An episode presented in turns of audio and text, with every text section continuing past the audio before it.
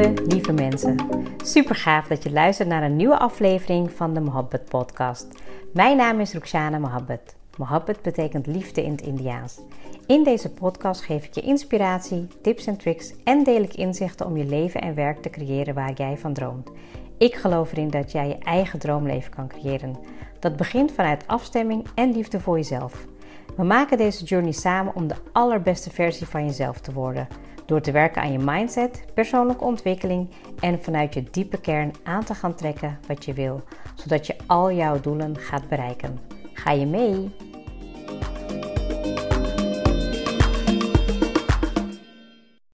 Welkom weer. Het is vandaag weer tijd voor een nieuwe podcast. En ik denk dat ik vandaag een heel mooi onderwerp voor je heb, wat jou kan helpen in je persoonlijke ontwikkeling, uh, persoonlijke groei en misschien nog wel wat extra werk. Um, nou, zoals de titel al zegt, de duistere kant in je persoonlijke ontwikkeling. Uh, ik had um, in de afgelopen dagen had ik een heel mooi gesprek met een nou, goede vriendin. Um, die een beetje onverwachts wat coachingsvragen kreeg. nou, daar, daar stond ze open voor hoor. Ik heb natuurlijk eerst even gecheckt. Um, maar zij stuurde me daarna een berichtje met: um, Ja, ik denk dat het heel waardevol is als je hierover wat opneemt. Nou, en dan, um, als ik dat hoor, dan denk ik: Oh ja, daar heb ik zelf niet eens over nagedacht. Maar dat komt omdat ik ja, soms ook niet echt meteen 1, 2, 3 zie wat voor effect het op iemand heeft. Vaak is de effect of de nawerking natuurlijk daarna pas. ja, en en ik denk dat je gewoon gaat helpen. Ik ga je in deze episode ga ik je gewoon eerst even vertellen wat vanuit de optiek van uh, persoonlijke ontwikkeling een stukje zelfliefde is. En waar ook denk ik een beetje de grens zit tussen wanneer je ander werk moet gaan doen. Waar, wanneer je zeg maar echt aan de um, duistere kant van jezelf moet gaan werken. Um, wil gaan werken om jezelf helemaal te omarmen en te accepteren. Zodat je ook echt uh, ja, de waarde van jezelf gaat inzien, dat je de zelfwaarde ook kan, um, ja, dat, dat, je daarover kan beschikken. Um, dus ja, ik uh, hoop dat je in ieder geval um, ja, met heel veel interesse gaat luisteren naar deze podcast. als je tussendoor een paar vragen, uh, als je tussendoor wat wil opschrijven, zet hem dan even op pauze. En dan uh, hoop ik dat je in ieder geval met de vragen die ik ga stellen, um, dat je daardoor inzichten gaat krijgen. Nou, laat me ook eventjes wat dieper ingaan op wat is dan de duistere kant. Uh, of nee, ik ga eerst eventjes zeggen voor mezelf, voor, je, voor jou, zeg maar, dat hoe ik zelfliefde zie, oké? Nou, in mijn optiek is zelfliefde tweeledig. Je kan, zeg maar, werken aan zelfliefde vergroten door goed voor jezelf te zorgen. Als ik kijk naar hoe ik dat doe op mijn manier, is dat Um, nou, weet je, door me goed te voelen, door mijn energie te laten groeien, door um, te bidden, door te mediteren, door te wandelen, door echt gewoon uh, regelmatig gedurende de dag, gedurende de weken tijd voor mezelf te plannen, zodat ook mijn zelfliefde naar mezelf toe groeit. De andere kant van zelfliefde, wat voor mij heel erg belangrijk is geweest, is het innerlijke werk. Um, van binnen kijken naar mijn stralende kant. Dus waar, waar ik gewoon ja, de positiviteit in uitstraal, waar ik gewoon krachtig in ben. Ehm, maar ook mijn duistere kant. En als je dat kan doen, dan kom je eigenlijk op het punt dat je accepteert wie je bent. Het is niet altijd leuk, maar het is wel een fase waarin je ja, de transformatie van jezelf kan gaan herkennen. Naar ook je minder mooie kanten zien, je duistere kanten. En dat te gaan ja, analyseren als het ware. Als jij bijvoorbeeld accepteert wat je innerlijke kind van je vraagt, of het nou liefde is, aandacht, warmte, begrip, nou, wat het ook mag zijn, dan geef je daar gehoor aan. En ik denk dat als ik kijk naar de afgelopen jaren, hè, ik bedoel, ik heb het natuurlijk over uh, persoonlijke ontwikkeling, ik heb het over mindset, ik heb het over positiviteit. Um, maar aan de andere kant heb ik ook heel erg hard gewerkt aan al die lagen in mij om te komen tot de persoon die ik vandaag de dag ben. Want er zijn ook absoluut momenten geweest dat ik mezelf nooit, maar nooit had kunnen zien dat ik een podcast zou opnemen of dat ik mezelf zo zichtbaar zou opstellen dat ik zo dicht bij mezelf zou willen en kunnen blijven in, ehm, in sessies of in, nou ja, weet je, in stories of in wat dan ook. Maar dat komt omdat ik ook echt ben gaan kijken naar mijn duistere kant. En de vraag eigenlijk is, als eerste wat je mag opschrijven, is wat zijn jouw duistere kanten? En dan mag je alles opschrijven wat er in je opkomt. Je mag het opschrijven in een notitieboekje, je mag het op je telefoon doen. Ehm, maar ga het wel opschrijven. En geloof me, we hebben ze allemaal. Ehm, als ik bijvoorbeeld kijk naar mezelf, dan Ehm, ja, wat er nu in me opkomt, is bijvoorbeeld een, uh, een hele vervelende, een hele duistere kant in mij, is bijvoorbeeld dat ik. Ehm, ja, en duister klinkt misschien heel negatief, maar de reden waarom ik hem even wat zwart-wit doe, is zodat je ook echt daarin een, een, een, een verdeling kan gaan maken. Want um, nou, als ik bijvoorbeeld kijk naar mezelf, ik kan dus bijvoorbeeld heel erg ja, zeurderig, um, heel erg um, benauwend zijn. Ik kan heel erg um, ja, dingen op mijn manier willen doen waar ik controle over wil hebben. Uh, als ik bijvoorbeeld kijk in, in de dingen die ik soms thuis doe of in, in, ja, weet je, in mijn werk of zo. en dat is best wel gewoon ja, iets waar je niet het liefst naar wil kijken, waar je ook het liefst niet over wil praten. Maar als je dat gaat doen, dan ga je wel inzicht krijgen in waarom je de dingen doet zoals je ze doet. Wat ook kan helpen is de kernkwadranten. Als jij bijvoorbeeld een uh, kant van jou hebt waarvan je merkt, hé, dat is mijn valkuil, dat is een minder fijne punt. Dat je ook gaat kijken naar wat is dan het tegenovergestelde, maar een goede kant ervan.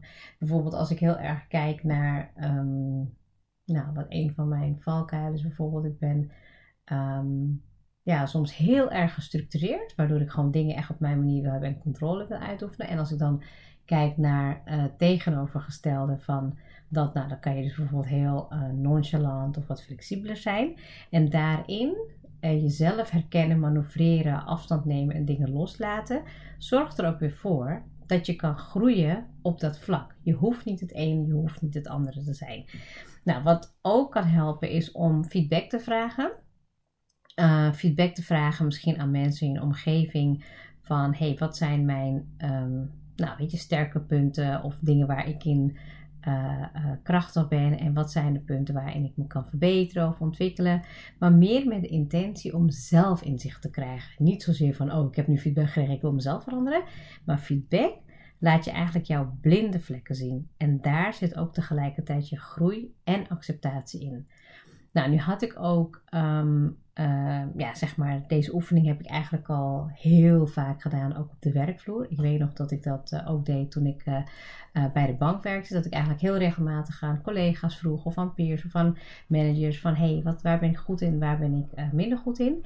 En ik weet nog dat het bijvoorbeeld op de werkvloer kan heel erg overkomen als onzekerheid. Dat je dus dan te veel feedback vraagt waarom mensen niet weten wat je wil. Terwijl ik op dat moment echt oprecht gewoon wilde weten waar ik in kon groeien. En ik denk dat het me nu ook achteraf zoveel heeft gebracht dat ik het eigenlijk één durfde. Dat ik gewoon continu feedback vroeg om mezelf te ontwikkelen. En aan de andere kant ben ik ook mezelf gewoon veel beter leren kennen. Want ja, ik vind bijvoorbeeld mijn, um, ja, mijn, mijn zeurderige gedrag, laat me dan even positief formuleren, is ook een soort van vasthoudendheid. Um, dat ik gewoon een bepaalde uh, standpunt daarin neem en dat ik dat um, doen, wil doen zoals ik dat wil.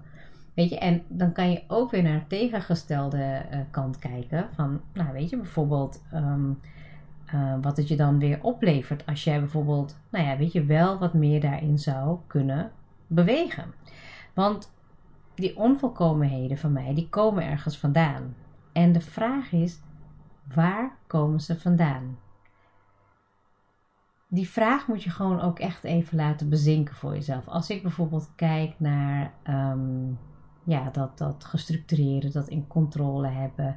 Ja, dat komt ergens een beetje vanuit mijn jeugd. Dat er gewoon bijvoorbeeld thuis niet uh, altijd um, ja, regels waren of stabiliteit of hoe je het ook wil noemen. Waardoor ik dus heel erg voelde altijd aan mezelf van ik wil dit in controle hebben. Ik wil in controle hebben hoe ik mijn leven ga uh, structureren. Ik wil niet ergens belanden of iets gaan doen Ehm, ja, wat uitzichtloos of doelloos is. Dus dat heeft dan ervoor gezorgd dat ik dat ben gaan doen.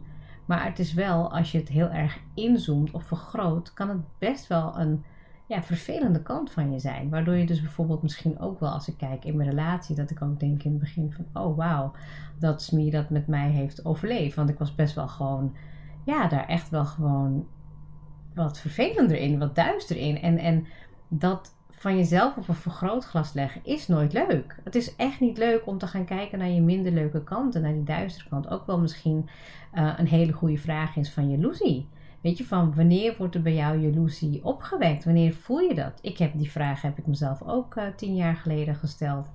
Um, toen ik bijvoorbeeld um, boeken ging lezen over persoonlijke ontwikkeling. Van hé, hey, wanneer komt er uh, iets in jou naar boven waardoor jij met een negativiteit naar een ander gaat kijken? Daar zit een stukje van tekort in. Ja, en als je dat gaat analyseren en je gaat daar met, in de, met, met jezelf aan de slag om die stukje zelfwaarde te vergroten, dan bestaat het niet. Dan is er geen jaloezie dan is er overvloed. Maar je moet het wel aangaan. Want waarom word je bijvoorbeeld dan jaloers? Wat heb jij dan niet wat je wel graag zou willen hebben? En daarentegen is het ook meteen dan ook een hele grote test om te gaan kijken waar je dankbaar voor bent. Maar die duisterkant is nog steeds niet leuk. Snap je wat ik bedoel? En ik denk dat dat ook wel een beetje um, de keerzijde is van persoonlijke ontwikkeling. Maar positief gezien. De keerzijde van um, dat als je aan de slag gaat, dan is het niet alleen maar mindset en uh, gaan en visie, maar het is ook gaan werken aan die blinde vlekken, die onvolkomenheden, die, die innerlijke kind die in jouzelf um, een, een, een roep heeft, waar je aan wil gaan werken om te groeien. En ik zie het heel vaak aan vrouwen die uh, niet altijd de stap willen nemen om aan zichzelf te werken, dat ze gewoon denken uh, te blijven hangen in twijfel en onzekerheid. En ook ik merk dat ik daarin aan het groeien ben en dat ik dat ook niet meer wil uh, aantrekken. Ik wil gewoon kiezen voor vrouwen die um, gaan, die een keuze maken, die wel gewoon echt willen gaan shiften in hun energie, willen gaan werken aan die lagen daaronder en dat ze eigenlijk hun mooie kant kunnen gaan laten stralen. Dat is wat ik wil.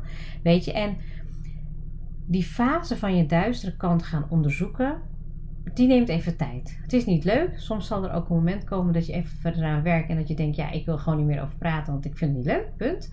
Maar dan is het ook goed om je emoties te gaan observeren. En kijk dan even bijvoorbeeld of je een week je duistere kant kan gaan onderzoeken. Je gaat je negatieve gedachten even langs. Je gaat uh, kijken waar je over oordeelt. Je gaat kijken ja, welke criticus je in jezelf hebt. En alles waarbij je zelf eigenlijk stroef bent.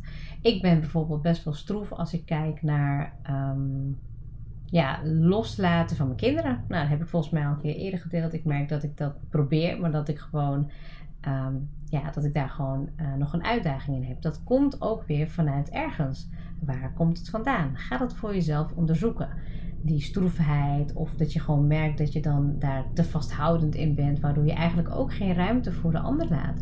En dit kan op allerlei vlakken zijn. Het kan voor jezelf zijn, in je werk, in je relatie, in je gezondheid, maakt niet uit. Maar ga dat wel aan. Ga, je, ga observeren welke emoties er ontstaan. Dan kan je echt bijvoorbeeld denken aan um, boosheid, frustratie, verdriet. Um, maar in ieder geval emoties die je op de, um, ja, zeg maar op de emotieladder omlaag brengen.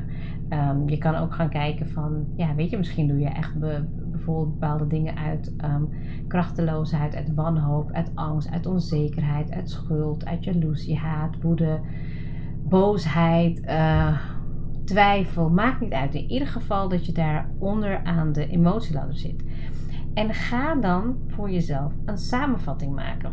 Schrijf gewoon op na een week bijvoorbeeld van ja, ik zie dat ik geïrriteerd raak. Ik zie dat ik saai ben. Ik zie dat ik dingen uitstel. Ik zie dat ik op de kleine dingen let. Ik zie dat ik mezelf boos maak, kwaad maak.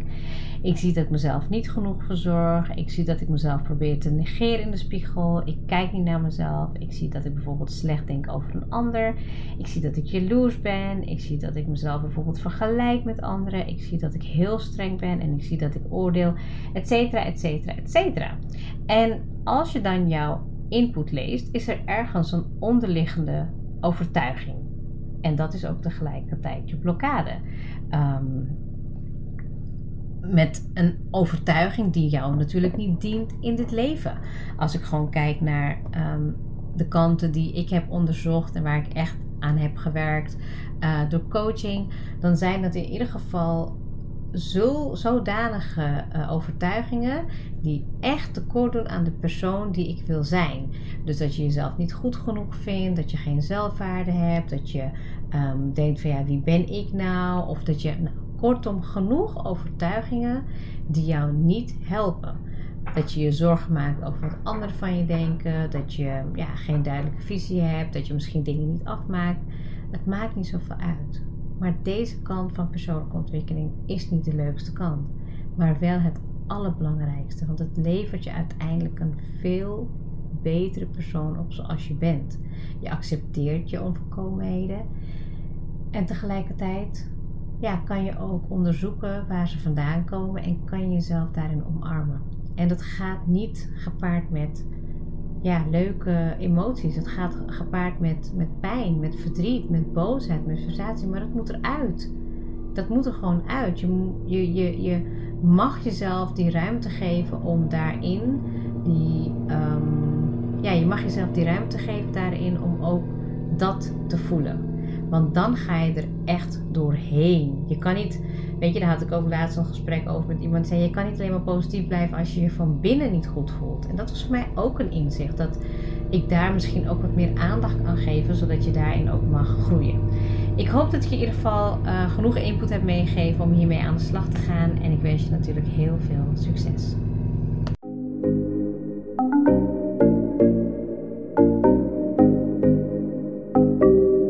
Super leuk dat je hebt geluisterd.